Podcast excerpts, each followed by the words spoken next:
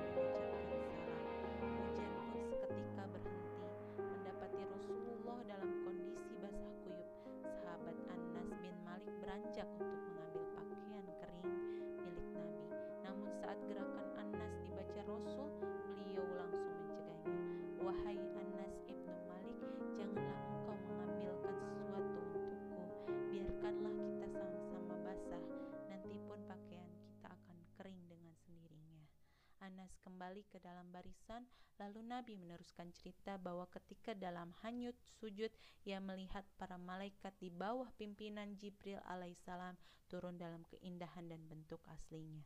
Malaikat berbaris rapi dengan suara gemuruh tasbih dan tahmid yang tak pernah didengar telinganya.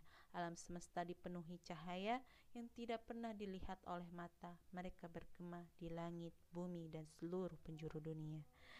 Dalam riwayat lain dikisahkan Nabi pernah bersabda, "Aku terbiasa beriktikaf pada malam-malam ini, kemudian terasa padaku untuk iktikaf pada malam-malam terakhir 21 hingga 30 Ramadan. Maka barang siapa yang telah iktikaf bersamaku, tetaplah dalam iktikafnya sebab aku telah diperlihatkan malam Lailatul Qadar kemudian dilupakannya. Karena itu kalian carilah pada malam-malam ganjil." Abu Said bin Hudri melihat dengan mata kepala sendiri kala baginda Nabi keluar sholat subuh di wajahnya ada sedikit cipratan tanah berair.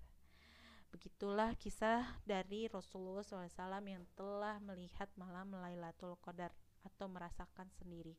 Nah, uh, bagi teman-teman sobat-sobat salas, itulah rekaman salas untuk di bulan-bulan terakhir, 10 terakhir bulan bulan Ramadan. Semoga kita dapat beramal soleh dan mendapatkan malam kemuliaan malam Lailatul Qadar. Terima kasih sobat-sobat salas. Wassalamualaikum warahmatullahi wabarakatuh.